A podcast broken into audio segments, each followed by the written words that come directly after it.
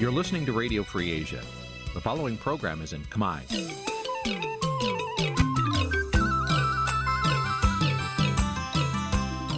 Nǐ chi càm bi tiệp xáy vệt chiu a zì sê ray នេះជាកម្មវិធីផ្សាយរបស់ Vithu Azisari ជាភាសាខ្មែរ វត្តឈូអាស៊ីសេរីសូមស្វាគមន៍លោកអ្នកនាងទាំងអស់ពីរដ្ឋធានី Washington នៃសហរដ្ឋអាមេរិក បាទផ្សាយផ្ទាល់ពីរដ្ឋធានី Washington នៃសហរដ្ឋអាមេរិកខ្ញុំបាទយ៉ងច័ន្ទដារាសូមជម្រាបសួរលោកអ្នកនាងអ្នកស្ដាប់វិទ្យុអាស៊ីសេរីទាំងអស់ជាទីមេត្រីបាទខ្ញុំបាទសូមជូនកម្មវិធីផ្សាយសម្រាប់យប់ថ្ងៃប្រហោះ4រោចខែបឋមសាទឆ្នាំថោះបัญចស័កពុទ្ធសករាជ2567បាទដែលត្រូវនឹងថ្ងៃទី6ខែកក្កដាគ្រិស្តសករាជ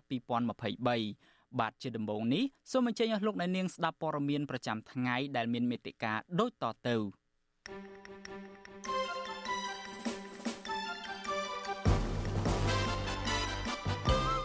ក្រមមន្ត្រីសិទ្ធិមនុស្សទទូចរោគយុត្តិធម៌សម្រាប់ជនរងគ្រោះនៅក្នុងរដ្ឋប្រហារបង្ហូរឈាមឆ្នាំ1997ក្រមប្រពន្ធសកម្មជនគណៈបកប្រឆាំងដាក់ញត្តិទៅស្ថានទូតម៉ាឡេស៊ីឲ្យអន្តរាគមដោះលែងប្តីរបស់ពួកគាត់ក្រុមអ្នកខ្លំមើលរិះគន់កោជបដែលបានចំណាយលុយជិត1លានដុល្លារទិញទឹកខ្មៅលុបមិនជ្រះសម្រាប់ការបោះឆ្នោត។ សម្រងសម្ដីសំខាន់សំខាន់របស់បណ្ឌិតកែមលីមុនគិតកោបាញ់សម្លាប់រូបលោករួមនឹងព័ត៌មានសំខាន់សំខាន់មួយចំនួនទៀត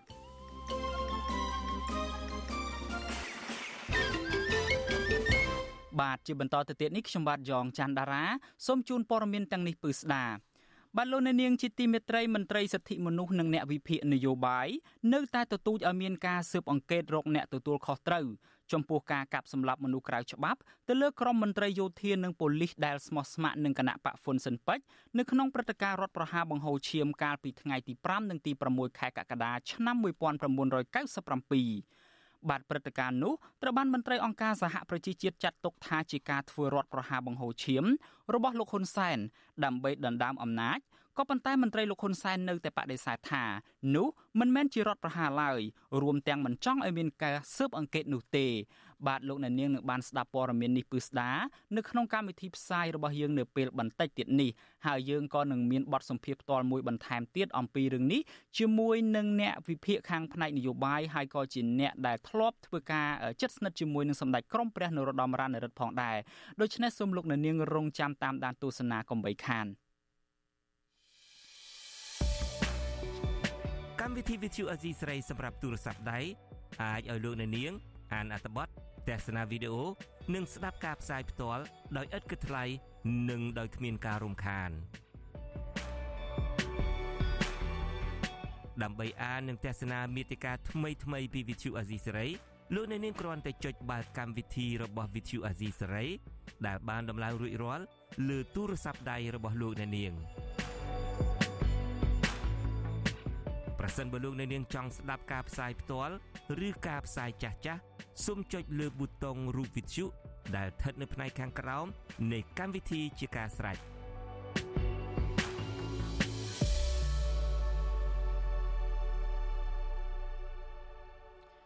បាទលោកនាងជាទីមេត្រីយើងងាកមកចាប់អារម្មណ៍ពាក់ព័ន្ធទៅនឹងរឿងអ្នកជាប់ឃុំនយោបាយឯនេះវិញ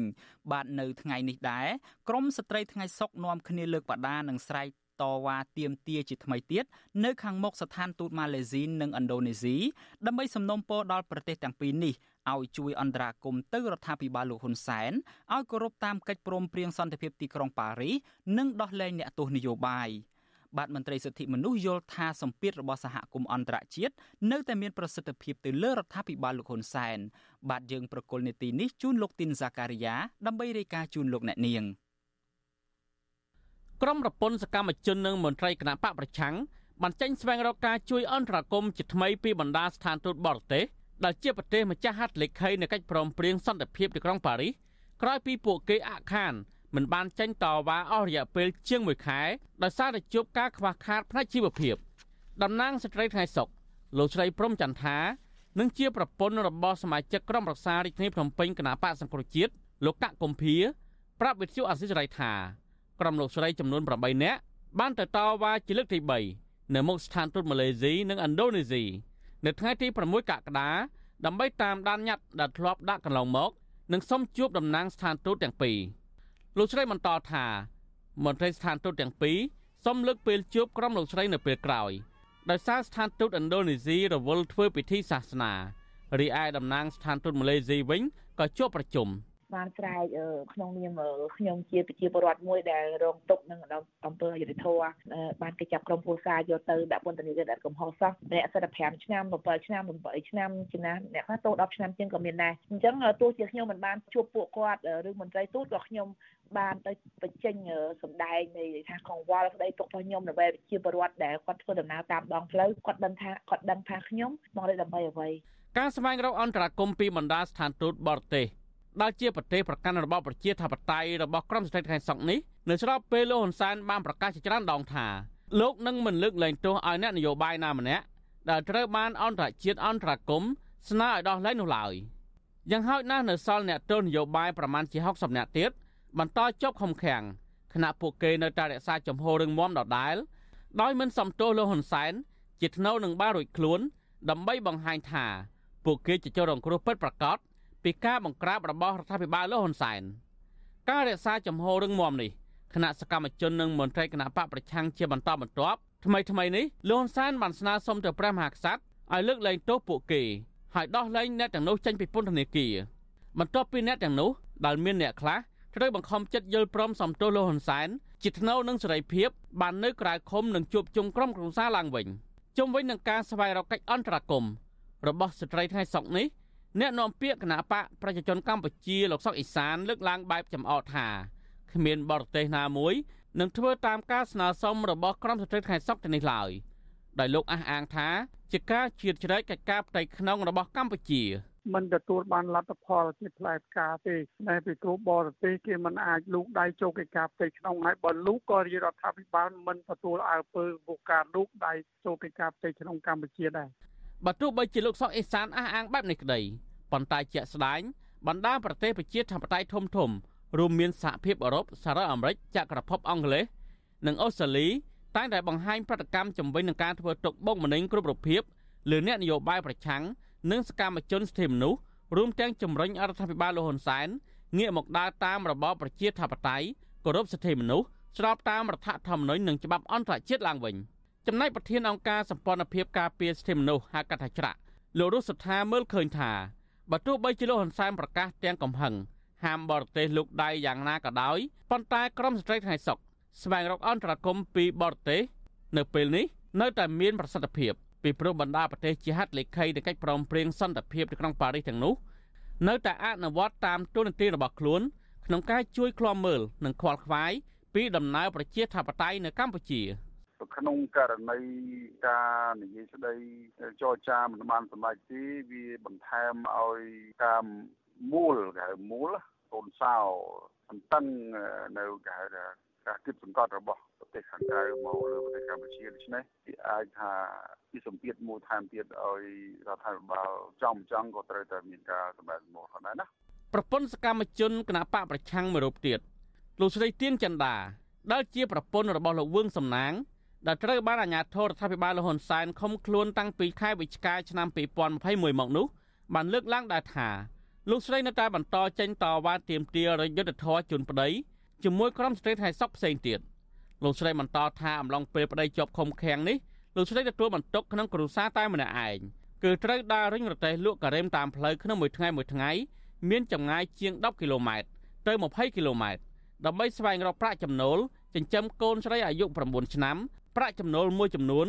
ផ្ញើទៅឲ្យប្តីនៅក្នុងពន្ធនាគារនិងដើម្បីសន្សំទុកសងបំណុលធនាគារជាដើមហើយនឹងសង្ឃឹមថាគាត់នឹងនៅតែមានការជួយអន្តរាគមន៍មកដល់ក្រុមគ្រួសាររបស់ខ្ញុំដដែលអញ្ចឹងណាបងចា៎ក្រុមស្ត្រីថ្ងៃសុកនៅតែមានសង្ឃឹមថាសម្ពាធរបស់សហគមន៍អន្តរជាតិនឹងអាចធ្វើឲ្យលោកហ៊ុនសែនងាកទៅគោរពតាមស្មារតីកិច្ចព្រមព្រៀងសន្តិភាពនៅក្នុងប៉ារីសវិញដើម្បីបើកចំហសិទ្ធិសេរីភាពនិងការពារសិទ្ធិមនុស្ស ឲ្យបានពេញលេញនៅកម្ពុជាខ្ញុំបាទធីនសាការីយ៉ាអស៊ីសេរីប្រធានីវ៉ាស៊ីនតោន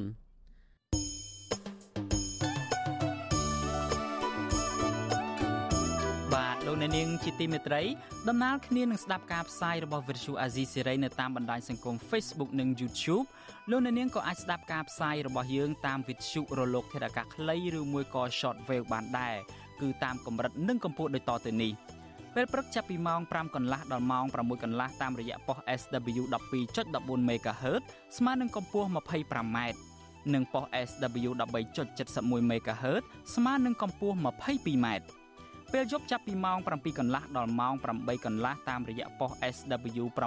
9.33 MHz ស្មើនឹងកម្ពស់ 32m ប៉ុស SW 11.88 MHz ស្មើនឹងកម្ពស់ 25m និងប៉ុស SW 12.14 MHz ស្មើនឹងកម្ពស់ 25m បាទសូមអរគុណបាទលោកនាងជាទីមេត្រីខ្ញុំបាទសូមជម្រាបជូនលោកនាងថាអាស៊ីសេរីបានពង្រីកការផ្សាយរបស់យើងមួយកម្រិតទៀតហើយគឺនៅលើបណ្ដាញសង្គម Telegram ប្រសិនបើលោកនាងចង់តាមដានការផ្សាយរបស់យើងនៅលើបណ្ដាញសង្គម Telegram លោកនាងចូលទៅក្នុងបណ្ដាញសង្គម Telegram ទៅហើយនៅក្នុងប្រអប់ ស្វែងរកឬមួយក៏ search ជាភាសាអង់គ្លេសហ្នឹងលោកអ្នកនាងវាយពាក្យថា Vithu Azizi Serai ឬមួយក៏ RFA ខ្មែរទៅលោកអ្នកនាងនឹងឃើញទំព័រផ្លូវការរបស់ Azizi Serai នៅលើ Telegram ហើយដោយមានសញ្ញា tick ពណ៌ខៀវជាសញ្ញាសម្គាល់ហើយការស្ដាប់នៅលើ Telegram នេះអាចងាយស្ដាប់ជាង Facebook ឬមួយក៏ YouTube ទៅទៀតដោយសារតែនៅពេលដែលលោកអ្នកនាងចូលស្ដាប់ហើយលោកអ្នកនាងលាវចេញវិញឬមួយក៏ចាក់ចេញវិញក៏ដោយក៏យើងនៅលើការផ្សាយរបស់យើងនៅលើ Telegram នឹងដដែលដូច្នេះយើងនឹងប្រឹងផ្សាយប្រឹងប្រែងដើម្បីពង្រីកការផ្សាយរបស់យើងដើម្បីផ្ដល់ព័ត៌មានពិតជូនលោកអ្នកនាងហើយលោកអ្នកនាងក៏អាចជួយយើងខ្ញុំវិញដែរតាមរយៈការចុចចែករំលែកឬមួយក៏ share ការផ្សាយរបស់យើងទៅកាន់មិត្តភ័ក្តិបងប្អូនរបស់លោកអ្នកនាងដើម្បីយើងរួមគ្នាផ្សព្វផ្សាយព័ត៌មានពិតនិងទទួលបានព័ត៌មានពិតដើម្បីបុព្វហេតុនៃលទ្ធិប្រជាធិបតេយ្យនិងសិទ្ធិមនុស្សនៅប្រទេសកម្ពុជាបាទលោកអ្នកនាងជាទីមេត្រីយើងងាកមកចាប់អារម្មណ៍ពាក់ព័ន្ធទៅនឹងរឿងបោះឆ្នោតឯនេះវិញ អង្គការបណ្ដាញអាស៊ីដើម្បីការបោះឆ្នោតដោយសេរីហៅកាត់ថា Unfrail វាតម្លៃជាបឋមថាការបោះឆ្នោតជាតិនៅថ្ងៃទី23ខែកក្កដាខាងមុខនេះនៅតែខ្វះភាពសេរីនិងយុត្តិធម៌បាទការវិតម្លៃនេះធ្វើឡើងនៅក្នុងរបាយការណ៍ថ្មីមួយរបស់អង្គការនេះផ្សាយកាលពីថ្ងៃទី5ខែកក្កដា Unfrail ដែលជាបណ្ដុំអង្គការជិត30ស្ថាប័ននៅតំបន់អាស៊ីរកឃើញថាមានចន្លោះប្រហោងឬក៏កង្វះខាតជាច្រើននៅក្នុងដំណើរការរៀបចំការបោះឆ្នោតនៅកម្ពុជាបាទចន្លោះប្រហោងទាំងនោះមានដូចជាភាពលំអៀងយ៉ាងជាក់ច្បាស់របស់ស្ថាប័នរៀបចំការបោះឆ្នោតទៅរកគណៈបកកណ្ដាលអំណាចការផាត់ចោលគណៈបកភ្លើងទៀនមិនអោយចូលរួមការបោះឆ្នោតដែលអង្គការនេះថាជាឧទាហរណ៍នៃការរឹតបន្តឹងលំហនយោបាយយ៉ាងខ្លាំងនៅកម្ពុជា។ បាទការកាត់បន្ថយលំហសង្គមស៊ីវិលសេរីភាពប្រព័ន្ធផ្សព្វផ្សាយនិងការចូលរួមនៅមានកម្រិតរបស់ភាគីដែលមានសម្លេងតិចតួចនៅក្នុងសង្គមដូចជាស្ត្រីជនជាដើមភាគតិចបុគ្គលមានពិការភាពនិងយុវជនជាដើមបាទជុំវិញរឿងនេះវិទ្យុអាស៊ីសេរីនៅមិនទាន់អាចតាក់ទងแนะនាំពាក្យគណៈកម្មាធិការជាតិរៀបចំការបោះឆ្នោតហៅកាត់តកោជបដើម្បីសូមប្រតិកម្មជុំវិញការវិតម្លៃបឋមរបស់អង្គការ Unfrail នេះបាននៅឡើយទេគិតត្រឹមល្ងាចថ្ងៃទី6ខែកក្កដានេះ។ ទោះជាយ៉ាងណាអង្គការ Unfrail ព្រមានថាការបរាជ័យមិនដោះស្រាយរាល់ចំណុចខ្វះខាតទាំងនេះនឹងបន្តធ្វើឲ្យមាននៅដំណើរការបោះឆ្នោតមួយដែលផ្ទុយពីលទ្ធិប្រជាធិបតេយ្យនិងខុសពីការពិតដែលមិនអាចឆ្លោះបញ្ចាំងពីឆន្ទៈនិងបំណងប្រាថ្នាពិតប្រាកដរបស់ប្រជាជនកម្ពុជាបានឡើយបើលោកនាងជាទីមេត្រីតកតងទៅនឹងរឿងបោះឆ្នោតនេះដែរក្រុមអ្នកខ្លំមើលរិះគន់រឿងកោជបដែលបានចំណាយលុយជិត1លានដុល្លារទិញទឹកខ្មៅលៀងមិនជ្រះ មកបម្រើការបោះឆ្នោតនៅថ្ងៃទី23ខែកក្កដាខាងមុខពួកគេថានេះគឺជាការខ្ជះខ្ជាយថវិកាជាតិពីព្រោះការបោះឆ្នោតមិនបានឆ្លុះបញ្ចាំងពីឆន្ទៈពុតប្រកបរបស់ពលរដ្ឋជាម្ចាស់ឆ្នោតនោះឡើយបាទលោកសេចបណ្ឌិតរាយការណ៍ពឹស្ដារអំពីរឿងនេះអ្នកវិភាគនិងមន្ត្រីបកប្រឆាំងលើកឡើងថា ការបោះឆ្នោតដែលគេដឹងមុនថាគណៈបកកណ្ដាលអំណាចនឹងឈ្នះការបោះឆ្នោតព្រោះគ្មានគណៈបកដែលជាគូប្រកួតប្រជែងចូលរួមនោះ គោចបមិនគួរចំណាយថវិកាចិត្តច្រើនឥតប្រយោជន៍ឡើយពួកគេថារដ្ឋគួរទុកថវិកាជិត1លានដុល្លារយកទៅដោះស្រាយបញ្ហារបស់ប្រជាពលរដ្ឋអាចផ្ដល់ប្រយោជន៍ច្រើនជាងការបម្រើការបោះឆ្នោតនេះអ្នកវិភាគនយោបាយលោកកឹមសុខយល់ថា ការចំណាយប្រាក់ជិត1លានដុល្លារសម្រាប់ទិញទឹកខ្មៅលុបមិនជ្រះនេះជាការចំណាយលុយជាតិឥតប្រយោជន៍ ព្រោះការបោះឆ្នោតមិនឆ្លុះបញ្ចាំងពីឆន្ទៈរបស់ប្រជាពលរដ្ឋលោកបន្តថាការចំណាយប្រាក់ដើម្បីរៀបចំការបោះឆ្នោតនិងលុយជិត1លានដុល្លារនៅពេលនេះយកទៅស្ដារលូដែលកំពុងលិចភ្នំពេញល្អជាង យកមកបម្រើការបោះឆ្នោតដែលលោករិគុណថាជាការបោះឆ្នោតคล้ายៗព ប្រជាពលរដ្ឋខ្លួនគាត់ផ្ទាល់មហាជនត្រូវគេអុកលុកគ្រប់បែបយ៉ាងដើម្បីតែផលប្រយោជន៍គណៈបកប្រជាជនកម្ពុជា ទី3គូប្រកួតប្រជែងនយោបាយធំធំ មានគណៈបកភ្លើងទៀនគណៈបកសង្គ្រោះជាតិត្រូវគេខ្ទប់មិនឲ្យចូលរួមប្រកួតស្មើមុខជាមួយនឹងគណៈបកប្រជាជនកម្ពុជាទេហើយចំណុចមួយទៀតដែលសំខាន់បំផុតនោះអត់មានការចូលរួមពីសហគមន៍អន្តរជាតិស្រដៀងគ្នានេះដែរមន្ត្រីជាន់ខ្ពស់គណៈបកសង្គ្រោះជាតិប្រចាំខេត្តបាត់ដំបង ដែលកំពុងភៀសខ្លួននៅប្រទេសអូស្ត្រាលី លោកជាជីវយល់ថារដ្ឋគួរទុកលុយជិត1លានដុល្លារនេះចែកជូនប្រជាពលរដ្ឋក្រីក្រ ជាការល្អជាងយកទៅបម្រើការបោះឆ្នោតលោកបន្តថាការបោះឆ្នោតនៅថ្ងៃទី23ខែកក្កដាគ្រាន់តែជាការរៀបចំដើម្បីបង្ក្រប់កិច្ចប៉ុណ្ណោះព្រោះគណៈបកកណ្ដាលអំណាចនឹងបន្តឈ្នះការបោះឆ្នោតនេះដដែល។ សូម្បីតែគណៈបកភ្លើងទៀនដែលទើបតែនឹងទទួលបានការគ្រប់គ្រងនៅបោះឆ្នោតឆ្នាំ2022កន្លងទៅ ហើយនៅឆ្នាំ2023ក៏ពុំឲ្យគាត់អនុញ្ញាតឲ្យគាត់ចូលរួមក្នុងការបោះឆ្នោតផងដែរដូច្នេះជាជាក់ថាការបោះឆ្នោតខាងមុខនេះគ្រាន់តែជាការបោះឆ្នោតប្រកបកិច្ចហើយនឹងបង្ហាញថវិកាជាតិតែប៉ុណ្ណោះប្រតិកម្មរបស់អ្នកវិភាគនិងមន្ត្រីបកប្រឆាំងធ្វើឡើងដូចនេះ ក្រោយគណៈកម្មាធិការជ្រៀបចំការបោះឆ្នោត បានចំណាយថវិកាជិតជិត1លានដុល្លារដើម្បីទិញទឹកខ្មៅជ្រលក់ដៃសម្រាប់បម្រើការបោះឆ្នោតចំនួន52,000ដុល្លារពីប្រទេសឥណ្ឌាជុំវិញការលើកឡើងនេះវិទ្យុអាស៊ីសេរីនៅពុំទាន់អាចសុំការឆ្លើយតបពីអ្នកនាំពាក្យគណៈកម្មាធិការជ្រៀបចំការបោះឆ្នោតកោជបលោកហងពុធាបានទេនៅថ្ងៃទី6ខែកក្កដាទោះយ៉ាងណា ប្រធានកោជបលោកប្រាច័ន្ទ ថ្លែងអះអាងនៅក្នុងពិធីបង្ហាញគុណភាពទឹកខ្មៅលុបមិនជ្រះនៅថ្ងៃទី6កក្កដាថា ការប្រើទឹកខ្មៅនេះដើម្បីធានាថាការបោះឆ្នោតខាងមុខប្រកបដោយភាពត្រឹមត្រូវស្មើភាពនិងយុត្តិធម៌និងជាសញ្ញាបញ្ជាក់ថាប្រជាពលរដ្ឋបោះឆ្នោតបានតែម្ដងប៉ុណ្ណោះរីឯអ្នកនាំពាក្យគណៈបកប្រជាជនកម្ពុជាលោកសុកអេសានយល់ថា អ្នកដែលរិះគន់ការចំណាយប្រាក់លើការទិញទឹកខ្មៅនេះ គឺមានចេតនាប្រឆាំងមិនឲ្យមានការបោះឆ្នោតអ្នកនោះមានចេតនាចង់បំផ្លាញការបោះឆ្នោតដែលប្រព្រឹត្តទៅដោយសេរីត្រឹមត្រូវនិងយុត្តិធម៌ហើយនេះជាការអនុវត្តគោលការណ៍លទ្ធិប្រជាធិបតេយ្យនៅកម្ពុជាពួកប្រឆាំងគេមិនដែលចង់ឲ្យមានគោលការណ៍លទ្ធិប្រជាធិបតេយ្យនៅកម្ពុជាទេអញ្ចឹងបានតែធ្វើអីគេជំទាស់រហូតគេវាយប្រហារមកលើដំណើរការ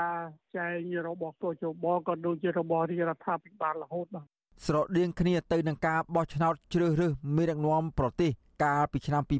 2018គឺនៅឆ្នាំ2023នេះរដ្ឋាភិបាលលោកហ៊ុនសែនបានប្រើប្រាស់ប្រព័ន្ធច្បាប់និងគោលចបបិទមិនអោយមានគណៈបកប្រឆាំងដែលជាគូប្រកួតប្រជែងជាមួយនឹងគណៈបកកណ្ដាលអំណាចអាចចូលរួមបោះឆ្នោតបានឡើយពេលនេះមេដឹកនាំគណៈបកប្រឆាំងកំពុងធ្វើយុទ្ធនាការឲ្យពលរដ្ឋគូសខ្វែងសិលឹកឆ្នោតចោលនៅពេលទៅបោះឆ្នោត។ ដើម្បីបង្ហាញពីការមិនពេញចិត្តចំពោះការបោះឆ្នោតដែលគ្មានគណៈបកភ្លើងទៀនចូលរួមខ្ញុំបាទសេកបណ្ឌិតវិទ្យុអាស៊ីសេរីពីរដ្ឋធានីវ៉ាស៊ីនតោនបាទលោកអ្នកនាងជាទីមេត្រីលោកអ្នកនាងប្រហែលជាបានជ្រាបស្រាប់ហើយថានៅពេលថ្មីថ្មីនេះមានករណីចាប់ខ្លួនសហគមន៍ដីធ្លីនៅឯខេត្តកោះកុងឯណោះហើយនៅក្នុងនោះក៏រួមមានទាំងលោកស្រីផៅយើងដែលមានកូនតូចផងដែរបាទ បាទតកតងទៅនឹងរឿងនេះគឺថាក្រុមអង្គការសង្គមស៊ីវិលសហគមន៍មូលដ្ឋាននិងសហជីពបានស្នើឲ្យដោះលែងសកម្មជនដីធ្លីទាំង9នាក់នៅខេត្តកោះកុងនោះដោយឥតលក្ខខណ្ឌនិងទម្លាក់ចោលការចោទប្រកាន់ពីបទញុះញង់ឲ្យប្រព្រឹត្តបទឧក្រិដ្ឋជាអាតដែលពួកគេថាជារឿងគ្មានមូលដ្ឋានច្បាប់ច្បាស់លាស់បាទសេចក្តីថ្លែងការណ៍រួមរបស់ក្រុមអង្គការចំនួនជាង50ស្ថាប័ននៅថ្ងៃទី6ខែកក្កដានេះសង្កត់ធ្ងន់ថា សកម្មជនទាំងនោះមិនបានប្រព្រឹត្តកំហុសឆ្គងអ្វីនោះទេពីព្រោះពួកគាត់គ្រាន់តែលើកឡើងពីទុកកង្វល់និងសម្ដែងមតិដោយអហិង្សាដើម្បីការពារដីធ្លី និងសមាជិកសហគមន៍របស់ពួកគាត់តែប៉ុណ្ណោះក៏ប៉ុន្តែពួកគាត់បែរជាត្រូវបានអាជ្ញាធរនិងតុលាការធ្វើទុកបុកម្នេញនិងចាប់ដាក់ពន្ធនាគារទៅវិញពួកគេក៏បានស្នើសុំឲ្យរដ្ឋមន្ត្រីក្រសួងយុតិធធលោកកើតរិទ្ធជួយអន្តរាគមន៍ទម្លាក់ចោលរាល់ការចោទប្រកាន់ទៅលើសកម្មជនដីធ្លីចំនួន30នាក់ មកពីសហគមន៍ចំនួន5នៅឯខេត្តកោះកុងផងដែរបាត់សកម្មជនដីធ្លីដែលកំពុងជាប់ឃុំទាំងនោះរួមមានលោកស្រីផាវយើងលោកស្រីដេតហួរលោកស្រីយីគុន្ធា លោកស្រីទិនតាំងលោកស្រីសេងលីនលោកស្រីយឿនខ្មៅលោកស្រីសួងថេង លោកសុកជ័យលោកហេងជ័យនិងលោកឡាំងជាវលោកស្រីសួងថេងគឺជាសកម្មជនតែម្នាក់គត់ដែលត្រូវបានដោះលែងដោយភ្ជាប់ជាមួយលក្ខខណ្ឌដ៏តឹងរ៉ឹង វិទ្យុអាស៊ីសេរីមិនទាន់អាចតាក់ទងរដ្ឋមន្ត្រីក្រសួងយុតិធធលោកកើតរិទ្ធដើម្បីសុំការបំភ្លឺជុំវិញការដាក់ញត្តិស្នើសុំនេះបានទេ នៅថ្ងៃទី6ខែកក្កដានេះដោយទូរស័ព្ទហៅចូលតែពុំមានអ្នកទទួលចំណែកអ្នកនាំពាក្យតឡាការខេត្តកោះកុងលោកស៊ូសវណ្ណារាវិញវិទ្យុអាស៊ីសេរីក៏មិនទាន់អាចតាក់ទងបានដែរនៅថ្ងៃនេះបាទក្រុមសកម្មជនដីធ្លីដែលកំពុងជាប់ឃុំទាំងនោះបានតស៊ូទាមទារដីធ្លីរបស់ពួកគាត់មកវិញចាប់តាំងតែពីឆ្នាំ2006 បន្ទាប់ពីក្រុមហ៊ុនរបស់លោកអុកញ៉ាលីយ៉ុងផាត់និងលោកហេងហ៊ុយដែលបានវិនិយោគដំណាំស្ករអំពើលើដីសហគមន៍របស់ពួកគាត់បាទលោកអ្នកនាងជាទីមេត្រីយើងងាកមកចាប់អារម្មណ៍តាក់ទងទៅនឹងរឿងបណ្ឌិតកែមលីឯនេះវិញអឺ មជ្ឈមណ្ឌលសិទ្ធិមនុស្សកម្ពុជាសិស្សនិស្សិតនិងប្រជាពលរដ្ឋជាង50នាក់រួមគ្នាប្រារព្ធពិធីរំលឹកខួប7ឆ្នាំនៃគិតកម្មទៅលើបណ្ឌិតកែមលីនៅព្រឹកថ្ងៃប្រហ័សទី7ខែកក្កដានាយកផ្នែកតស៊ូមតិនៃមជ្ឈមណ្ឌលសិទ្ធិមនុស្សកម្ពុជាលោកសួនយុទ្ធជាឲ្យដឹងថារបៀបវិរៈសំខាន់សំខាន់នៅក្នុងពិធីនេះមានដូចជាពិធីសូត្រមន្តឧទ្ទិសកុសលជូនលោកបណ្ឌិតកែមលី ការអានកំណាព្យនិងអត្ថបទខ្លីដែលត្រូវបានជ្រើសរើសពីអ្នកគោរពស្រឡាញ់លោកបណ្ឌិតកែមលីដែលបានផ្ញើមកចូលរួមជាមួយមជ្ឈមណ្ឌលសិទ្ធិមនុស្សកម្ពុជាព្រមទាំងបានព្រមទាំងបានកម្មវិធីស្ដាប់និងចាក់បញ្ចាំងវីដេអូរបស់បណ្ឌិតកែមលីជាដើមបាទកម្មវិធីឆ្នាំនេះប្រារព្ធឡើងនៅការិយាល័យមជ្ឈមណ្ឌលសិទ្ធិមនុស្សកម្ពុជា ក្រោមចំណងជើងថាពាក្យពិត ហើយសារៈសំខាន់មួយទៀតដែលបានរំលេចនៅក្នុងកម្មវិធីនេះដែរ គឺការបង្រៀនឲ្យខ្មែរចេះគិតគឺជាការចាំបាច់បំផុតបាទលោកស៊ុនយុទ្ធជាឲ្យដឹងទៀតថាអ្នកចូលរួមនៅក្នុងកម្មវិធីនេះក្រៅពីសិស្សនិស្សិតនិងប្រជាពលរដ្ឋក៏មានមន្ត្រីអង្គការសង្គមស៊ីវិលនិងតំណាងមន្ត្រីស្ថានទូតប្រទេសប្រជាធិបតេយ្យចូលរួមផងដែរភ្ញៀវដែលយើងអ្នកដែលបានយើងបានអញ្ជើញក៏បានចូលរួមហើយមានទូតលោកអគ្គរដ្ឋទូតអង់គ្លេសលោកអញ្ជើញមកខ្លួនឯងហើយលោកទូតអូស្ត្រាលីគាត់មានអ្នកតំណាងលេខាគាត់មក មានទូតអាមេរិកហើយនិងទូត EU បាទគាត់មានតំណែងគាត់មកហើយនឹងអង្គការជាតិបាទលោកបណ្ឌិតកែមលីត្រូវបានឃាតករបាញ់សម្លាប់កាលពីថ្ងៃទី10ខែកក្កដាឆ្នាំ2016នៅស្ថានីយ៍ប្រេងឥន្ធនៈមួយនៅក្នុងរាជធានីភ្នំពេញហើយដែលមកទល់នឹងពេលនេះអាជ្ញាធរមិនទាន់ស្វែងរកឃាតករពិតប្រាកដនិងអ្នកនៅពីក្រោយឃាតកម្មលើបណ្ឌិតកែមលីនេះយកមកផ្ដន់ទោសបាននៅឡើយទេ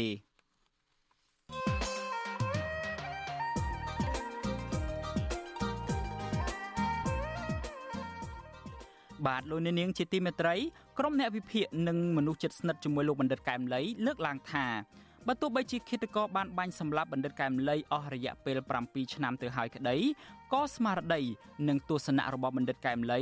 នៅតែមិនទាន់រសាត់ទៅណាឆ្ងាយនៅឡើយទេតើស្មារតីនិងទស្សនៈរបស់បណ្ឌិតកែមលីបានឆ្លោះបញ្ចាំងពីទស្សនវិជ្ជាសង្គមបច្ចុប្បន្ននេះយ៉ាងដូចម្តេចខ្លះ បាទសូមលោកអ្នកនាងរងចាំទស្សនាវេទិកាអ្នកស្ដាប់វិទ្យុអាស៊ីសេរីនៅយប់ថ្ងៃសុក្រស្អែកនេះដែលយើងនឹងជជែកអំពីបញ្ហានេះកុំបីខានបាទប្រសិនបើលោកអ្នកនាងមានសំណួរឬមួយក៏ចង់ចូលរួមបញ្ចេញមតិយោបល់នៅក្នុងកម្មវិធីរបស់យើងសូមលោកអ្នកនាងដាក់លេខទូរស័ព្ទនៅក្នុងខ្ទង់ comment Facebook និង YouTube ដែលវិទ្យុអាស៊ីសេរីផ្សាយផ្ទាល់នៅពេលនោះបាទក្រុមការងាររបស់យើងនឹងហៅទៅលោកអ្នកនាងវិញបាទសូមអរគុណ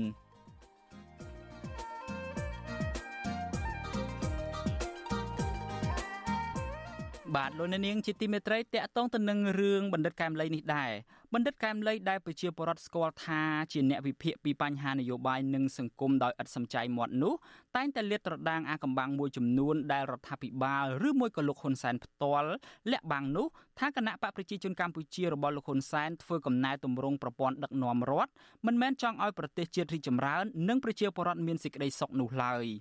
បាទលោកបណ្ឌិតកែមលីបានវិភាគនៅពេលនោះថា លោកហ៊ុនសែនបានធ្វើទុកបុកម្នេញទៅលើប្រជាពលរដ្ឋគៀបសង្កត់បិទសិទ្ធិសេរីភាពនិងប្រើប្រាស់ស្ថាប័នរដ្ឋសំខាន់សំខាន់មួយចំនួនដើម្បីឲ្យបំរើមហិច្ឆតាអំណាចរបស់លោក និងក្រុមគ្រួសាររបស់លោកបានសូមលោកអ្នកនាងស្ដាប់សម្រងសម្ដីមួយចំនួនរបស់បណ្ឌិតកែមលីដែលលោកទីនសាការីយ៉ាបានរៀបចំជូនដូចតទៅបណ្ឌិតកែមលីត្រូវបានឃាតករបាញ់សម្លាប់អស់រយៈពេល7ឆ្នាំទៅហើយក្តីក៏ការវិភាគរបស់លោកមកទល់ពេលនេះ ហាក់នៅមិនទាន់ទៅណាឆ្ងាយពីអ្វីដែលកំពុងតែកើតឡើងនៅក្នុងសង្គមកម្ពុជានាពេលបច្ចុប្បន្ននេះឡើយលោកកែមលីបានព្យាករកាលពីមុនពេលលោកស្លាប់ថាបរដ្ឋខ្មែរមិនអាចរំពឹងរស់នៅក្រោមដំបូលសន្តិភាពដែលដឹកនាំដោយលោកហ៊ុនសែនមានសេចក្តីសុខនោះឡើយលោកបានថែមថាលោកហ៊ុនសែនធ្វើអ្វីអ្វីដើម្បីតែអំណាចក្រុមគ្រួសារនិងបកពួករបស់លោកតែប៉ុណ្ណោះរីឯការធ្វើកំណែតម្រង់ប្រព័ន្ធដឹកនាំរដ្ឋវិញលោកធ្វើកំណែតម្រង់5ចំណុចសំខាន់សំខាន់ ក្នុងទិសដៅដើម្បីពង្រឹងអំណាចនិងបកពួករបស់ខ្លួនទី1កំណែតម្រង់ការបោះឆ្នោតគោលបំណងដើម្បីគ្រប់គ្រងនៅលើដៃខ្លួន ទី2កំណែតម្រង់រៀបចំកោជបអីដើម្បីខ្លួនអាចត្រួតត្រាបាន ទី3កំណែតម្រង់នឹងដើម្បីខ្លួនឈ្នះមិនមែនកំណែតម្រង់ផ្សេងទេទី4កំណែតម្រង់ដើម្បីខ្លួនអាចបន្តកាន់អំណាចបានបន្តទៅទៀតទី5គឺកំណែតម្រង់ដើម្បីឲ្យប្រព័ន្ធទាំងមូល ទាំងតុលាការទាំងសភាកោជបស្អីនឹងអាចត្រួតត្រាបានហើយ រហូតដល់ត្រួតត្រាបរមរាជវាំងទៅទៀតនោះបសោក្រសួងបសោគណៈបករបស់ខ្លួននឹងទៅត្រួតត្រានឹងទៀតអញ្ចឹងមិនមែនមានន័យថាគណៈបកប្រជាជនមានសុឆន្ទៈដើម្បីកំណែតម្រង់ឲ្យមានការបោះឆ្នោតមួយសេរីយុត្តិធម៌ហើយអាចទទួលយកបានទាំងអស់គ្នាហើយកុំឲ្យមានបញ្ហាក្រោយបោះឆ្នោតទេមិនខុសអ្វីពីបណ្ឌិតកែមលីដែលធ្លាប់បានអះអាងនេះឡើយលោកហ៊ុនសែនមិនត្រឹមតែធ្វើត្រាប្រជាពលរដ្ឋមិនឲ្យងើបឬបំរាស់នោះទេ សូម្បីតែព្រះមហាក្សត្រក៏លោកហ៊ុនសែនគៀបសង្កត់ដែរលោកហ៊ុនសែនធ្លាប់បានអះអាងថាទោះជាម៉ែស្ដេចឪស្ដេចក៏លោកមិនខ្លាចដែរនៅត្រង់ចំណុចនេះអតីតទីប្រឹក្សាលោកនាយរដ្ឋមន្ត្រីហ៊ុនសែនគឺលោកបណ្ឌិតស៊ូណារ៉ូដែលបច្ចុប្បន្នលោកមានតួនាទីជារដ្ឋមន្ត្រីអមប្រតិភូនាយរដ្ឋមន្ត្រី បានរៀបរាប់នៅមុនពេលលោកចោះចូលជាមួយរដ្ឋាភិបាលថាលោកហ៊ុនសែនជាមនុស្សឆេវឆាវហើយលោកហ៊ានធ្វើអ្វីអ្វីគ្រប់បែបយ៉ាងដែលមនុស្សគ្រប់គ្នាមិនហ៊ានធ្វើដូចលោក គ្មានអ្នកណាហ៊ានជាងហ៊ុនសែនទេហ៊ុនសែនហ៊ានអ្វីទាំងអស់គឺថាហ៊ានរហូតដល់ថារំលាយបកប្រឆាំងទាំងមូលអត់ខ្លាចមនុស្សរាប់លានអ្នកងើបឡើងផងបាទហើយចង់ចាប់អ្នកណាចង់ធ្វើអីក៏បានដែរលោកហ៊ុនសែនបានដឹកនាំប្រទេសកម្ពុជាជិត40ឆ្នាំមកនេះលោកមានអំណាចហើយហ៊ានធ្វើអ្វីអ្វីគ្រប់បែបយ៉ាង តែលោកមិនខ្វល់អំពីសក្តិទុករបស់ប្រជាពលរដ្ឋនោះឡើយក្រៅតែពីលោកហ៊ុនសែនគៀបសង្កត់រដ្ឋបတ်សិទ្ធិសេរីភាពប្រជាពលរដ្ឋនោះ របបរបស់លោកបានលុបបឹងបួរទោះជានៅក្រៅក្រុងឬក្នុងក្រុងក្តីសម្រាប់អ្នករស់នៅទីក្រុងភ្នំពេញវិញ បច្ចុប្បន្ននេះកំពុងតែរងទុក្ខដោយសារតែទឹកភ្លៀងជន់លិចទីក្រុង ដែលធ្វើឲ្យប្រជាពលរដ្ឋខូចខាតទ្រព្យសម្បត្តិនិងមិនអាចប្រកបអាជីវកម្មអ្វីបានក៏ប៉ុន្តែលោកហ៊ុនសែនហាក់មិនខ្វល់អំពីបញ្ហាទាំងនេះឡើយលោកនៅតែប្រឹងឃោសនាបោះឆ្នោតហើយអួតអាងអំពីការដឹកនាំរបស់លោកតែមួយមុខតែមិនបានដោះស្រាយពីទុកកង្វល់របស់ប្រជាពលរដ្ឋ ជាពិសេសបញ្ហារំដោះទឹកចំនួនទឹកភ្លៀងចេញពីទីក្រុងភ្នំពេញនេះតែម្ដងកលតិស័កឥឡូវនេះបើទោះបីជាទឹកចំនួនបានលិចដល់បន្ទប់គេងឬចង្ក្រានបាយរបស់ប្រជាពលរដ្ឋទៅហើយក្តីតែប្រជាពលរដ្ឋនៅទីក្រុងភ្នំពេញហាក់បីដូចជាស្ងប់ស្ងាត់មិនហ៊ានងើបឡើងតវ៉ាទាមទាររដ្ឋាភិបាលចេញមុខដោះស្រាយបញ្ហាស្ទះលូដែលធ្វើឲ្យមានចំនួនទឹកភ្លៀងលិចលង់នេះដោយកាលពីមុនឡើយកាលពីលោកមដិតកែមលីនៅមានជីវិត លោកធ្លាប់ដឹកនាំបរដ្ឋសម្ដែងមតិបានខ្លះនៅពេលមានបញ្ហាអ្វីដែលមិនប្រក្រតីកើតឡើងដូចជាថ្ងៃសកពណ៌ខ្មៅជាដើមដើម្បីសម្ដែងមតិនិងទាមទារឲ្យដោះលែងមន្ត្រីអង្គការសង្គមស៊ីវិលនិងសកម្មជនដីធ្លីដែលរបបលោកហ៊ុនសែនចាប់ដាក់ពន្ធនាគារកាលនោះលោកបណ្ឌិតកែមលីបានផ្ដាយប្រាំទៅលោកហ៊ុនសែនថាបើសិនជាធ្វើមេដឹកនាំខ្លាចការសម្ដែងមតិនោះ គួរតែលោកហ៊ុនសែនទៅជ្រើសរើសមុខរបរដាំដំឡូងវិញទៅប្រសើរជាង។ ការសម្ដែងមតិការជួបជុំគ្នាដោយសន្តិវិធីរបៀបនេះប្រសិនបើខ្ញុំជារដ្ឋាភិបាលខ្ញុំផ្ដល់ការសហការខ្ញុំផ្ដល់ការកោតសរសើរហើយមិនត្រឹមតែផ្ដល់ការកោតសរសើរពីរដ្ឋាភិបាលទេត្រូវស្នើដល់ព្រះមហាក្សត្រឲ្យមានការកោតសរសើរទៅទៀតពីព្រោះអីគាត់ចំណាយលុយទិញអាវខ្មៅគាត់ចំណាយថវិកាទៅចូលរួមថ្ងៃក្តៅដើម្បីសម្ដែងមតិឲ្យយើងលឺហើយកាលណាយើងលឺទោះបីជាវិជ្ជមានក្តីទោះបីអវិជ្ជមានក្តីយើងយកមកសង្យោគដើម្បីយើងមានពន្លឺនៅក្នុងការដោះស្រាយបញ្ហាឬក៏ឫសគល់នៃបញ្ហា ហើយដូចខ្ញុំបានសរសេរក្នុងផេករបស់ខ្ញុំអញ្ចឹងខ្ញុំថាបើយើងធ្វើនយោបាយបើយើងធ្វើគណៈបកនយោបាយហើយយើងខ្លាចការសម្ដែងមតិយើងខ្លាចការជួបជុំពលរដ្ឋរបស់ពលរដ្ឋដែលសម្ដែងឲ្យយើងឮយើងគួរតែជ្រើសរើសមុខរបរដាំដលងវាប្រសើរជាងបណ្ឌិតកែមលីបានលើកឡើងទៀតថាលោកហ៊ុនសែនមិនមែនជាមេដឹកនាំកម្ពុជាដោះស្រាយបញ្ហានោះទេតែលោកជាមេដឹកនាំពូកែខាំអង្ក្រាប ទោះជាលោកហ៊ុនសែនពូកែខាងបង្ក្រាបជាងការដោះស្រាយបញ្ហាបែបនេះក្តីតែលោកបណ្ឌិតកែមលីបញ្ជាក់ថាពុំមែនមានន័យថាអាចបង្ក្រាបបរិវត្តឲ្យនៅស្ងៀមបានឡើយការដឹកនាំប្រទេសយើងត្រូវតែសម្លឹងឬក៏កំណត់បញ្ហាឲ្យបាន ហើយបញ្ហានោះឬគល់នៃបញ្ហាអីគេត្រូវទៅដោះស្រាយឬគល់នៃបញ្ហាខ្ញុំឧទាហរណ៍ដូចជាកូនង៉ែតដែលវាយំ គឺមានន័យថានៅពេលដែលកូនង៉ែតនោះហេវឬមួយក៏កូនង៉ែតនោះពេលសម្ោចខំអញ្ចឹងយើងរមើលសម្ោចឲ្យបេះសម្ោចនឹងចេញយើងយកមើលទឹកដោះគោដើម្បីដាក់ឲ្យកូនង៉ែតនោះញ៉ាំអាហ្នឹងបានក្មេងនឹងបាត់យំក៏ប៉ុន្តែនៅពេលដែលយើងឃើញក្មេងយំហើយយើងចង់យកកភ្លើងយើងចង់យកដបង យើងចង់យកដៃយកមកទះកភ្លៀងសួរថាតើក្មេងនោះបាត់យំទេ គឺមិនបាត់យំទេផ្ទុយទៅវិញការបង្ក្រាបបដកម្មតាក់ទងទៅនឹងសហជីពយើងឃើញការបង្ក្រាបច្រើនណាស់ក៏ប៉ុន្តែការធ្វើបដកម្មកាន់តែច្រើនឡើងច្រើនឡើងទី2រឿងបញ្ហាដីធ្លីបញ្ហាសិទ្ធិលំនៅឋាន សួរថាតើក្នុងរយៈពេល5ឆ្នាំ10ឆ្នាំនេះនៅពេលដែលយើងប្រើប្រាស់កម្លាំងបង្ក្រាបសួរថាបាត់ទេនៅពេលដែលយើងមិនដោះស្រាយឬគល់នៃបញ្ហាឬក៏មូលហេតុនៃបញ្ហាឆ្លើយតបនឹងការលើកឡើងរបស់លោកបរិតកែមលីនៅមុនពេលលោកត្រូវបានឃាតករបាញ់សម្លាប់នេះ អ្នកនាំពាក្យគណៈបកប្រជាជនកម្ពុជាលោកសុកអេសាន បានថ្លែងការពីលោកហ៊ុនសែនកាលពីថ្ងៃទី6កក្កដាថាអ្វីដែលមនិតកែមលីបានលើកឡើងនេះមិនឆ្លុះបញ្ចាំងពីការពិតនិងត្រឹមត្រូវតាមផ្លូវច្បាប់ឡើយអូកែមលីនេះក៏ជាអ្នកប្រឆាំងនឹងរដ្ឋាភិបាលដែរអញ្ចឹងការនិយាយរបស់គាត់នេះមិនជាក់ស្ដែងទេมันពិតណាអាមិនជាក់ស្ដែងវាមិនពិតវាមិនជាការពិតខ្ញុំជួបកែមលីច្រើនដងហើយនិយាយទៅមកអត់មានផ្អែកទៅលើគោលការណ៍ច្បាប់ទេ ទោះជាលោកសុកអេសានអះអាងបែបនេះក្តីប៉ុន្តែការលើកឡើងរបស់មនិតកែមលីនេះហាក់មិនខុសទៅនឹងអ្វីដែលកំពុងតែកើតឡើងនាពេលបច្ចុប្បន្ននេះឡើយសមត្ថកិច្ចរបបលោកហ៊ុនសែនតែងតែបង្ក្រាបក្រុមអ្នកតវ៉ាឥតសាកស្រានដូចជាក្រុមអាជ្ញាធរបានបង្ក្រាបក្រុមស្ត្រីថ្ងៃសុកសកម្មជនបរិស្ថាន សកម្មជនព្រំដែននិងក្រុមកោតក្រ Nagawal ជាដើមបញ្ហានេះមន្ត្រីកែមលីបានលើកឡើងថាមូលហេតុចម្បងដែលធ្វើឲ្យរបបលោកហ៊ុនសែនគៀបសង្កត់ប្រជាពលរដ្ឋ មិនបន្ធូរដៃបែបនេះក៏អាចមកពីប្រជាពលរដ្ឋនិងក្រុមបញ្ញវន្តមានរូបរួមគ្នាដែរបញ្ហានេះលោកបណ្ឌិតកែមលីបានអំពាវនាវនៅមុនពេលលោកស្លាប់ថាល្មមដល់ពេលក្រុមបញ្ញវន្តងើបឈរឡើងដើម្បីតតាំងនឹងអំណាចជិះជាន់ផ្ដាច់ការបែបនេះហើយខ្មែរយើងរាល់ថ្ងៃនេះមិនខ្វះធនធានមនុស្សទេធនធានមនុស្សច្រើនណាស់បញ្ញវន្តច្រើនណាស់នៅក្នុងរដ្ឋាភិបាលនៅផ្នែកឯកជនប៉ុន្តែដូចខ្ញុំធ្លាប់ឲ្យជាពាក្យស្លោកមួយចឹងគេថា អ្នកធំអ្នកមានកំពុងស្ទូងស្រូវនៅក្នុងស្រែចំណែកអ្នកស្រែកំពុងសម្លឹងជញ្ជឹងគិតត្បិតពួកបណ្ឌិតកំពុងដេកសំតិតបះគូតឡើងលើខ្ញុំចង់និយាយថាបណ្ឌិតនៅក្នុងក្រុមហ៊ុន នៅក្នុងរដ្ឋាភិបាល នៅក្នុងអង្គការក្រៅរដ្ឋាភិបាល នៅក្នុងអង្គការសហជីវជាតិធ្វើជាបុគ្គលិករបស់អង្គការសហជីវជាតិគួរតែក្រោកឈរឡើង ដើម្បីប្រាប់ទៅរដ្ឋាភិបាល ដើម្បីប្រាប់ទៅគណៈបពប្រឆាំងគ្រប់ទីកន្លែង នៅទីស្តីការគណៈរដ្ឋមន្ត្រីនៅរាជបណ្ឌិតសភាមិនគួរសងំឲ្យថ្នាក់ដឹកនាំធ្វើស្រេចតែចិត្តទេនៅទន្ទឹមនឹងរដ្ឋកម្មលៃអំពីលនាវឲ្យក្រុមបញ្ញវន្តងើបឈរឡើងបែបនេះក្តីតែរយៈពេល7ឆ្នាំកន្លងមកនេះក្រោយពីបាត់បង់រូបលោកមកសកម្មភាពរបស់ក្រុមបញ្ញវន្តហាក់មិនទាន់រួមគ្នាជាកម្លាំងតែមួយ ដើម្បីប្រឆាំងនឹងការជិះជាន់នេះនៅឡើយទេចំពោះលោកម្រិតកែមលៃខ្លួនឯងវិញលោកហាក់បានត្រៀមខ្លួនរួចទៅហើយ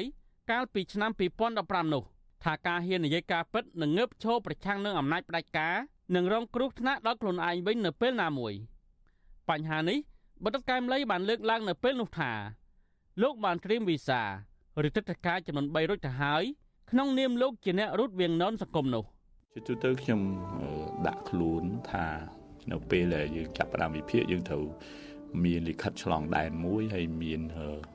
វីសា3ទី1បើសិនជាគេមិនសប្បាយចិត្តគេឲ្យយើងទៅទីពេទ្យយើងទៅទៅមិនសប្បាយចិត្តគេឲ្យយើងទៅព្រៃសរយើងទៅទៅហើយបើសិនជាគេមិនសប្បាយចិត្តគេឲ្យយើងទៅវត្តពុទ្ធយើងទៅទៅអាហ្នឹងបានយើងវិភាគទៅយើងបញ្ចេញយោបល់ទៅវាត្រូវជ្រុងណាប៉ុន្តែបើសិនជាយើងខ្លាច នៅវីសាទាំង3ហ្នឹងទេខ្ញុំគិតថាប្រហែលជាពិបាកនឹងផ្ដល់ផលទៅដល់សង្គមទោះបីជាលោកបណ្ឌិតកែមលីបានត្រៀមវីសាចំនួន3នេះរួចទៅហើយក្តីក៏ប៉ុន្តែតំណងជាលោកនឹកស្មានមិនដល់ថា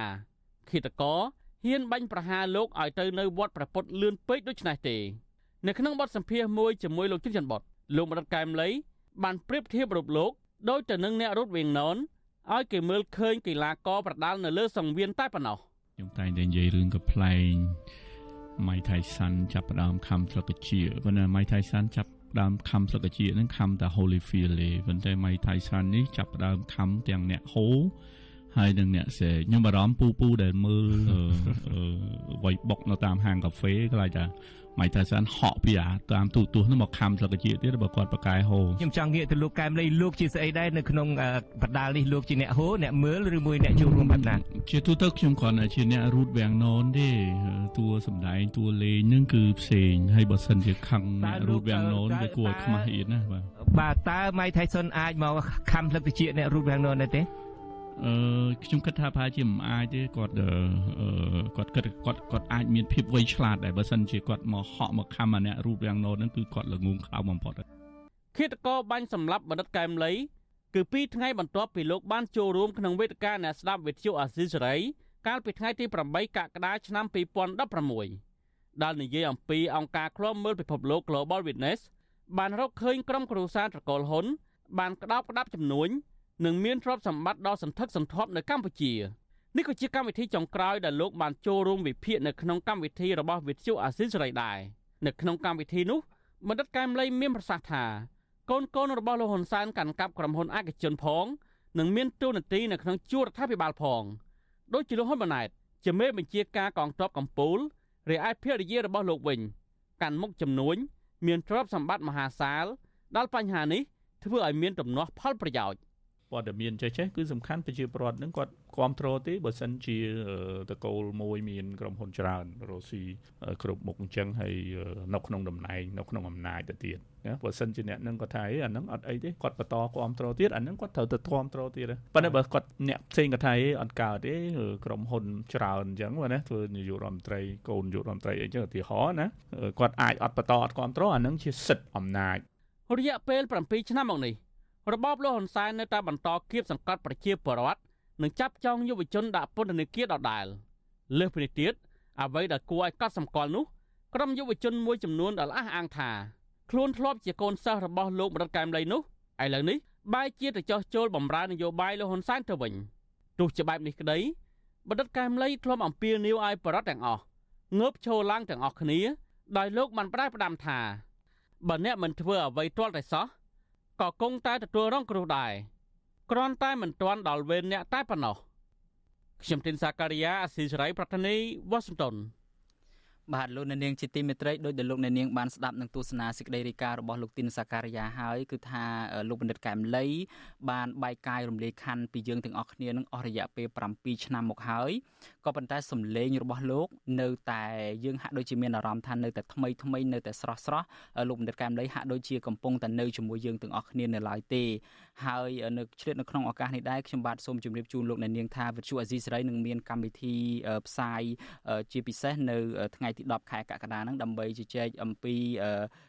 វីរភាពទាំងឡាយរបស់បណ្ឌិតកែមលីកម្មវិធីពិសេសហ្នឹងគឺយើងចង់សម្ដៅថាពីពេលនេះរហូតដល់ថ្ងៃទី10កក្កដាហ្នឹងគឺយើងនឹងមានព័ត៌មានជាប់ជាប្រចាំអំពី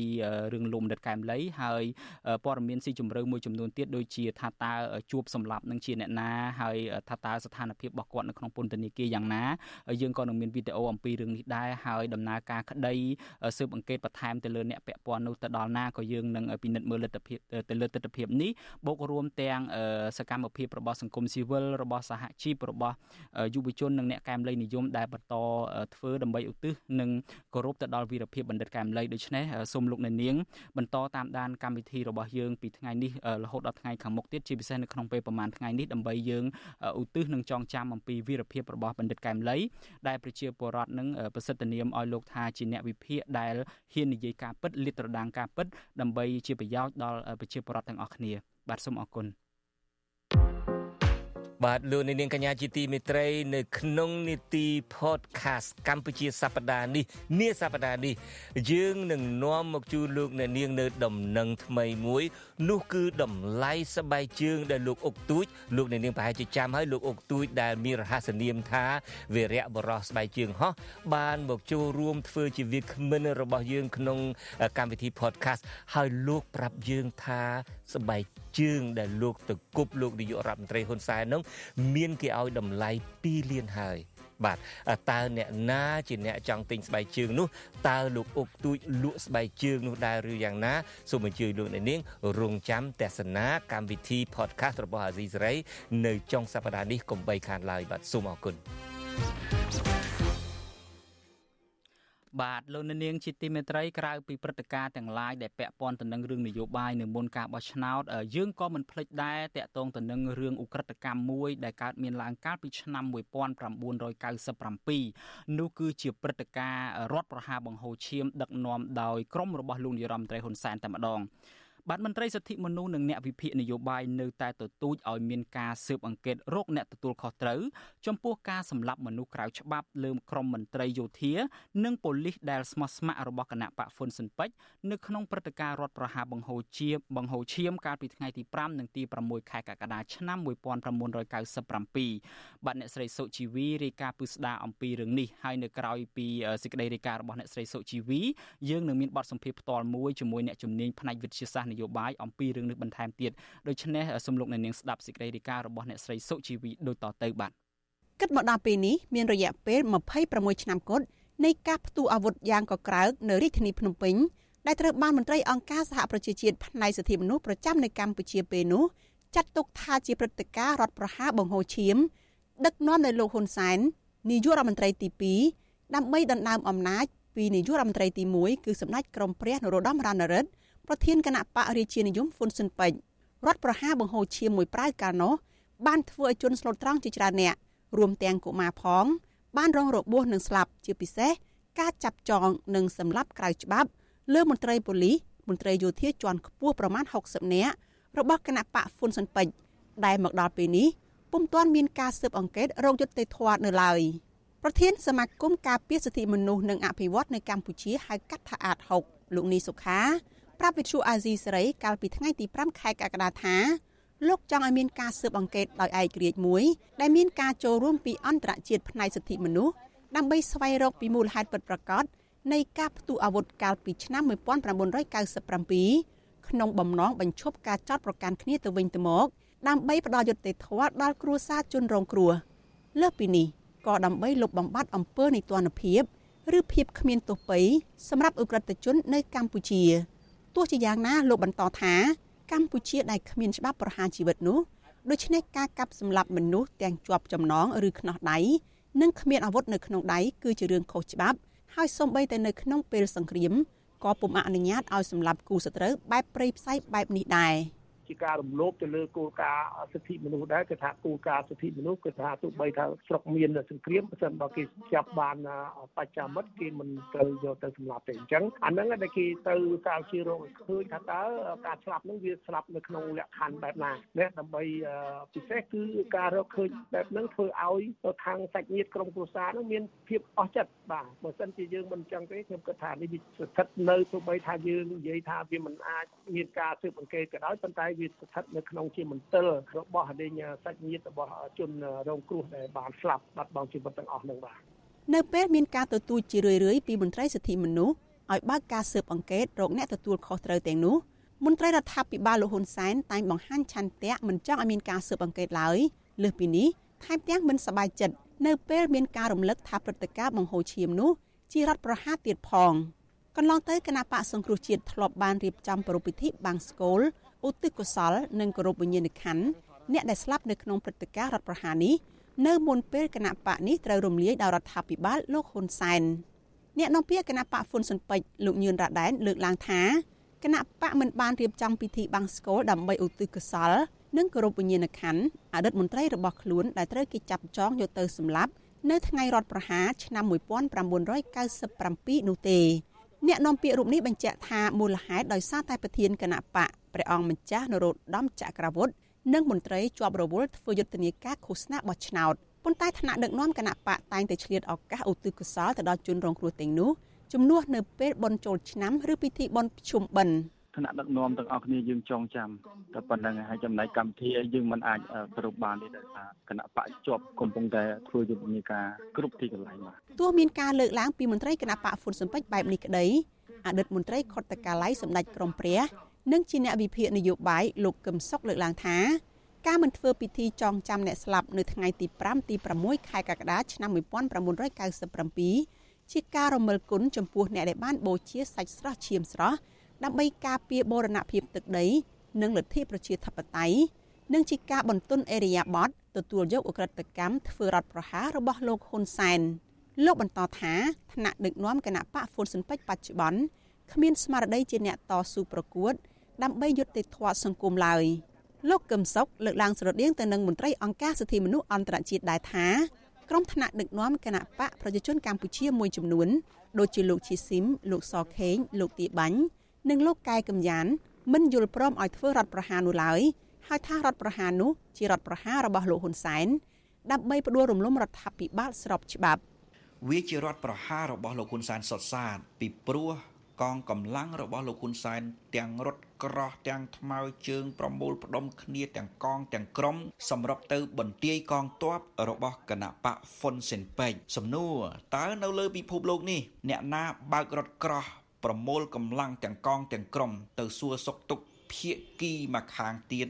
ដែលជាគូចំនួននោះក្រៅតែពីទៅផ្ដួលម្យ៉ាងវិញទៀតក៏នាំគ្នាទម្លាក់សម្ដេចក្រមព្រះនរោត្តមរណរដ្ឋចេញពីតំណែងជានាយករដ្ឋមន្ត្រីស្របច្បាប់បើមិនមែនជារដ្ឋប្រហារតើជាអ្វី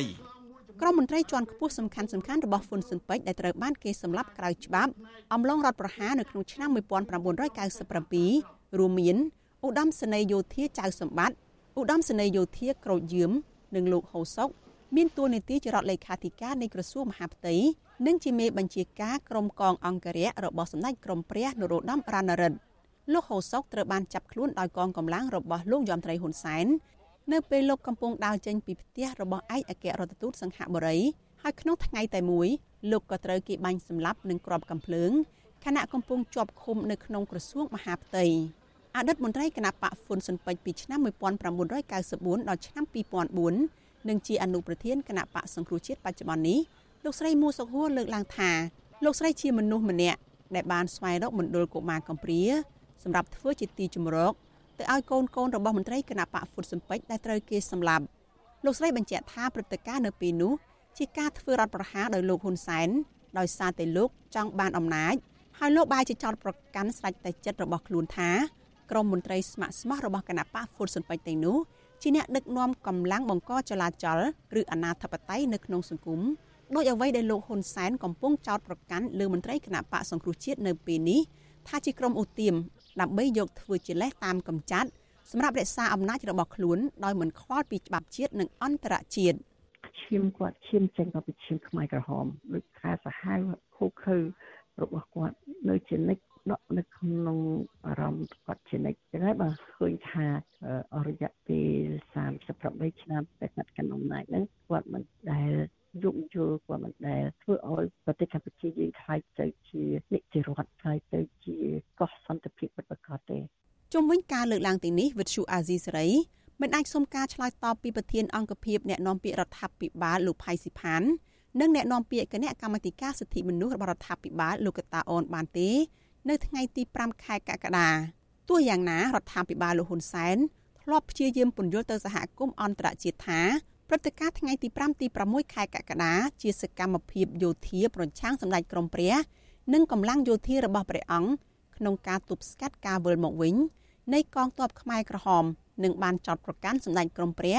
ថាបានសហការជាមួយខ្មែរក្រហមប្រឆាំងលោករួមទាំងនាំចូលនៅអាវុធខុសច្បាប់ពីក្រៅប្រទេស។ លើសពីនេះអ្នកនាំពាក្យគណៈបកប្រជាជនកម្ពុជាលោកសុកអេសានលើកឡើងថាក្រមមន្ត្រីជាន់ខ្ពស់គណៈបកហ្វុនស៊ិនពេជ្រទាំងនោះស្លាប់ដោយសារតែការប្រយុទ្ធគ្នាមិនមែនដោយសារការចាប់ចងយកទៅសម្លាប់នោះទេ គាត់សង្គ្រាមវារយៈពេលខ្លីដើម្បីទប់ស្កាត់កុំឲ្យនាំកម្លាំងខ្មែរក្រហមចូលមកក្នុងប្រទេសនាំឲ្យមានគ្រោះមហន្តរាយដល់អាយុជីវិតប្រទេសជាតិជាថ្មីឡើងវិញតែប៉ុណ្ណោះទេបាទដូច្នេះអត់មានពីណាទៅកាត់ទោសគាត់ទេដូចជាទៅឈុតអីអាហ្នឹងយកឲ្យខេតកែបអីហ្នឹងអាហ្នឹងក្នុងចម្បាំងទៅហើយគ្រូចយឿមអីហ្នឹងតែគាត់ក្នុងចម្បាំងទៅមានណាទៅចាប់គាត់ដាក់តឡាការប៉ុន្តែជុំវិញបញ្ហានេះលោក Brad Adams អតីតនាយកប្រតិបត្តិទទួលបន្ទុកកិច្ចការតំបន់អាស៊ីរបស់អង្គការឃ្លាំមើលសិទ្ធិមនុស្ស Human Rights Watch ធ្លាប់ប្រាប់វិទ្យុអាស៊ីសេរីថាតាមពិតអ្នកដែលនាំចូលសពាវុធខុសច្បាប់ច្រើនជាងគេគឺលោកហ៊ុនសែនហើយលើសពីនេះលោកហ៊ុនសែនក៏បានបង្កើតកងអង្គរៈផ្ទាល់ខ្លួនយ៉ាងតិច1000នាក់ដែលបំពាក់អាវុធទំនើបទំនើបនិងទទួលបានការវឹកវើប្រសើរជាងកងទ័ពការពារជាតិទៅទៀតហើយកងទ័ពទាំងនោះត្រូវប្រើប្រាស់នៅក្នុងការធ្វើរដ្ឋប្រហារលោក Brett Adams បន្តថា ការស្រាវជ្រាវនិងចុះសម្ភាសផ្ទាល់ពីក្រុមមន្ត្រីអង្គការសហប្រជាជាតិរកឃើញថាពុំមានការនាំចូលកងកម្លាំងខ្មែរក្រហមពីតំបន់អន្លង់វែងចូលទីក្រុងភ្នំពេញដោយការចោទប្រកាន់របស់លោកហ៊ុនសែនឡើយផ្ទុយទៅវិញលោកបញ្ជាក់ថាអ្នកដែលប្រើប្រាស់កងកម្លាំងខ្មែរក្រហមគឺលោកហ៊ុនសែនទៅវិញទេដោយសារមានអតីតមេបញ្ជាការខ្មែរក្រហមពីររូបគឺលោកកៅពុងនិងលោកផុនភៀបបានដឹកនាំកូនទាហានចូលរួមធ្វើរដ្ឋប្រហារទម្លាក់សម្ដេចក្រមព្រះពីនាយករដ្ឋមន្ត្រីស្របច្បាប់ ដែលកើតចេញពីការបោះឆ្នោតនៅក្នុងឆ្នាំ1993ដែលជាការបោះឆ្នោតដោយសេរីត្រឹមត្រូវនិងយុត្តិធម៌តែម្ដងគត់ដោយសារតែការរៀបចំដោយអង្គការសហប្រជាជាតិលោក Brad Adams ធ្លាប់បំពេញការងាររយៈពេល5ឆ្នាំនៅកម្ពុជា ជាមេធាវីជាន់ខ្ពស់ឲ្យការិយាល័យឧត្តមស្នងការអង្គការសហប្រជាជាតិទទួលបន្ទុកសិទ្ធិមនុស្សមុនពេលលោកក្លាយជានាយកប្រតិបត្តិទទួលបន្ទុកកិច្ចការតំបន់អាស៊ី របស់អង្គការឃ្លាំមើលសិទ្ធិមនុស្សអន្តរជាតិ Human Rights Watch ពីឆ្នាំ2002ដល់ឆ្នាំ2022អំឡុងពេលបំពេញការងារនៅកម្ពុជាលោក Brad Adams រួមទាំងមន្ត្រីអង្គការសហប្រជាជាតិផ្សេងទៀតធ្លាប់ទៅជីកគាស់ឃើញសពមន្ត្រីជាន់ខ្ពស់គណៈបកហ្វុនស៊ុនពេជ្រដែលត្រូវគេសម្លាប់ដោយចងដៃព័ទ្ធទៅក្រោយនិងមានគ្រាប់កាំភ្លើងក្នុងលលាក្បាលលោកបញ្ជាក់ថាសពមន្ត្រីគណៈបកហ្វុនស៊ុនពេជ្រ ត្រូវបានគេដឹកទៅចោលនៅខេត្តកំពង់ស្ពឺនិងនៅក្នុងជ្រោះពេជ្រនិលការបោះឆ្នោតនៅក្នុងឆ្នាំ1993ជាការបោះឆ្នោតលើកដំបូងបន្ទាប់ពីកម្ពុជាធ្លាក់ទៅក្នុងចំនួនផ្ទៃក្នុងរ៉ាំរ៉ៃនិងក្នុងសង្គ្រាមស៊ីវិលនិងត្រូវបានគេចាត់ទុកថាជាការបោះឆ្នោតដោយសេរីត្រឹមត្រូវនិងយុត្តិធម៌តែម្ដងគត់ដោយការនោះរៀបចំដោយអាជ្ញាធរបណ្ដោះអាសន្ននៃអង្គការសហប្រជាជាតិនៅកម្ពុជាហៅកាត់ថាអ៊ុនតាការបោះឆ្នោតនៅពេលនោះគណៈបកហ្វុនស៊ិនពេជ្រ ទទួលបានជ័យជំនះដោយទទួលបានអាសនៈ58គណៈគណៈបកប្រជាជនកម្ពុជាទទួលបាន51អាសនៈប៉ុន្តែដោយសារគណៈបកប្រជាជនកម្ពុជាមិនសុខចិត្តចាញ់ឆ្នោតនិងបានប្រើប្រាស់កម្លាំងទាហាននិងប៉ូលីសបណ្ដេញកងទ័ពអង្គការសហប្រជាជាតិចេញពីខេត្តចំនួន7ហើយគម្រាមបំបីប្រទេសចេញជា2ពេលនោះអតីតព្រះមហាក្សត្រព្រះបាទនរោត្តមសីហនុបានចេញរូបមន្តនាយករដ្ឋមន្ត្រីទី1និងនាយករដ្ឋមន្ត្រីទី2 ដើម្បីទប់ស្កាត់កុំឲ្យមានការបំបែកប្រទេសជាពីរផ្នែកប៉ុន្តែក្រោយមកកត្តាមួយដែលនាំឲ្យលោកហ៊ុនសែនប្រើកម្លាំងទ័ពដើម្បីឡើងក្តោបក្តាប់អំណាចទាំងស្រុងបន្ទាប់ពីលោកខឹងក្រេវក្រោតនិងសម្ដេចក្រមព្រះដែលបានសម្រេចប្រតិយនៅក្នុងកិច្ចប្រជុំមួយរបស់គណៈបកហ្វុនស៊ុនពេជ្រដែលមិនចង់បន្តធ្វើរដ្ឋាភិបាលចម្រុះជាមួយលោកនេះបើតាមការបញ្ជាក់របស់លោក Brett Adams ការធ្វើរដ្ឋប្រហារដណ្ដើមអំណាចរបស់លោកហ៊ុនសែននៅពេលនោះ ក៏ត្រូវបានគេចាត់ទុកថាជាការបំផ្លាញចោលនៅការខិតខំរបស់អង្គការសហប្រជាជាតិដែលចង់ឲ្យពលរដ្ឋខ្មែរទទួលបានសិទ្ធិសេរីភាពដោយបណ្ដាប្រទេសជឿនលឿនផ្សេងទៀតនិងការផ្លាស់ប្ដូរមេដឹកនាំតាមបែបសន្តិវិធី និងឈប់បង្ហូរឈាមគ្នា ដែលពួកគេមិនធ្លាប់ទទួលបានកាលពីពេលមុនមកប៉ុន្តែរដ្ឋប្រហាររបស់លោកហ៊ុនសែនបានរុញច្រានកម្ពុជាឲ្យធ្លាក់ទៅក្នុងយុគសម័យខ្មៅងងឹតឡើងវិញ គឺមេដឹកនាំខ្មែរនាំគ្នាដណ្ដើមអំណាច តាមរយៈកម្លាំងប្រដាប់អាវុធនិងអំពើហិង្សា នាងខ្ញុំសុជីវី Vithu Azizi Serai ពីរដ្ឋធានី Washington បាទលោកអ្នកនាងជាទីមេត្រីដោយសារតែយើងនឹងមានបទសម្ភាសផ្ទាល់មួយអំពីព្រឹត្តិការណ៍បង្ហូរឈាមកាលពីឆ្នាំ1997នោះយើងនឹងបន្ថែមម៉ោងផ្សាយរបស់យើងប្រហែលជា10នាទីបន្តទៀតដូច្នេះលោកអ្នកនាងដែលតាមដានការផ្សាយរបស់យើងនៅ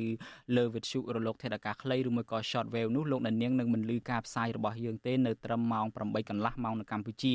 ក៏ប៉ុន្តែលោកអ្នកនាងដែលស្ដាប់តាម Facebook YouTube និង Telegram សូមលោកអ្នកនាងបន្តជាមួយយើងប្រហែលជា10នាទីទៀតយើងនឹងជជែកពិភាក្សាបន្ថែមអំពីព្រឹត្តិការណ៍បង្ហូរឈាមនៅកាលនោះហើយតកតងទៅនឹងរឿងនេះដែរគឺយើងមានបទសម្ភាសន៍ផ្ទាល់មួយជាមួយនឹងលោកប៉ែនសង្ហាដែលជាអ្នកជំនាញផ្នែកវិទ្យាសាស្ត្រនយោបាយហើយលោកប៉ែនសង្ហាផ្ទាល់ក៏ធ្លាប់ធ្វើការជាអតីតអ្នកនាំពាក្យរបស់សម្ដេចក្រមព្រះនរោត្តមរណរដ្ឋហើយដែរហើយបច្ចុប្បន្នលោកកំពុងតែរស់នៅសហរដ្ឋអាមេរិកខ្ញុំបាទសូមជម្រាបសួរលោកប៉ែនសង្ហាពីចម្ងាយបាទបាទជម្រាបសួរលោកចន្ទរាបាទ ខ្ញុំបាទសូមអរគុណលោកប៉ែនសង្ហាច្រើនដែលលោកងើបពីព្រលឹមតាមពិតលោករស់នៅឆ្នេរភាគខាងលិចនោះគឺថាទៅតែម៉ោង5ជាងម៉ោង6ព្រឹកទេយើងបានតាក់ទងលោកដើម្បីលោកមកផ្ដល់សម្ភារបន្ថែមលើទៅលើរឿងនេះហើយនឹងការវិភាគទៅលើទស្សនវិជ្ជាមួយចំនួនខ្ញុំនឹងមិនវែងឆ្ងាយទេដោយសារយើងមានសេចក្តីរាយការណ៍លម្អិតរបស់អ្នកស្រីសុជីវីហើយខ្ញុំចង់ចាប់ផ្ដើមដោយទុកសោកវេទនារបស់ក្រមគ្រួសារជនរងគ្រោះវិញមុននឹងខ្ញុំសម្ភារលោកប៉ែនសង្ហាខ្ញុំចង់ឲ្យលោកអ្នកនាងបានស្ដាប់នៅសម្ដីពិតមួយរបស់ក្រុមគ្រួសាររបស់ជនរងគ្រោះដែលគាត់បាត់បង់កូនដោយសារតែព្រឹត្តិការណ៍បង្ហូរឈាមការនោះបាទសូមលោកអ្នកនាងស្ដាប់និងទស្សនាដូចតទៅបាទ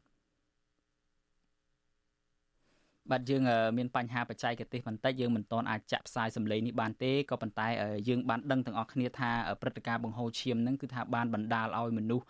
យ៉ាងហោចណាស់ជាង100នាក់បានស្លាប់ហើយនៅក្នុងនឹងភាគច្រើនគឺជាទាហានឬមួយក៏ប៉ូលីសដែលស្មោះស្ម័គ្រនឹងគណៈបរិជានិយមហ្វុនសិនពេជ្រហើយយើងក៏បានដឹងដែរថាអង្គើទាំងអស់ហ្នឹងគឺជារដ្ឋប្រហារដែលត្រូវបានរកឃើញថាប្រព្រឹត្តឡើងដោយក្រុមរបស់លោកហ៊ុនសែន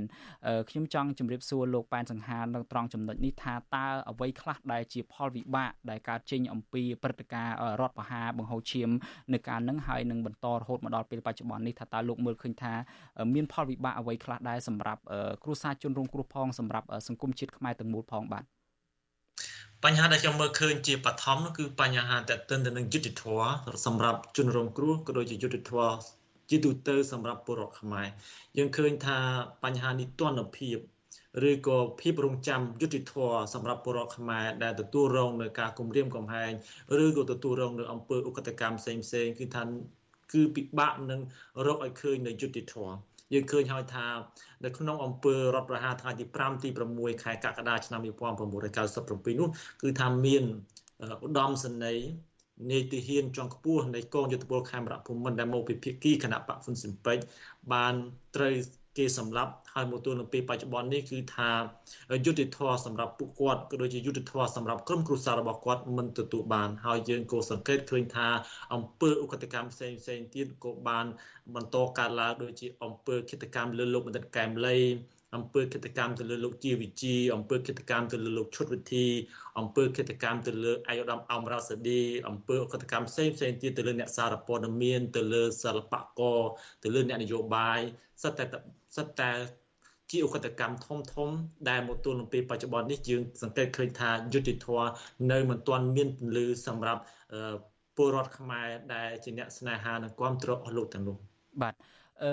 លោកប៉ែនសង្ខាឥឡូវនេះក្រុមការងារបច្ចេកទេសយើងបានប្រាប់មកហើយថាយើងអាចចាក់សម្លេងជនរងគ្រោះនឹងបានដូច្នេះដោយសារតែលោកមានប្រសាសន៍ពីយុទ្ធធម៌សម្រាប់ជនរងគ្រោះដែលមិនទាន់កើតមាននឹងខ្ញុំចង់ឲ្យលោកអ្នកនាងនិងលោកប៉ែនសង្ខាបានទស្សនាសម្រងសម្ដីនេះដូចតទៅបាទ ឲ្យកូនក្រាបទៅក្រោមផ្ទះ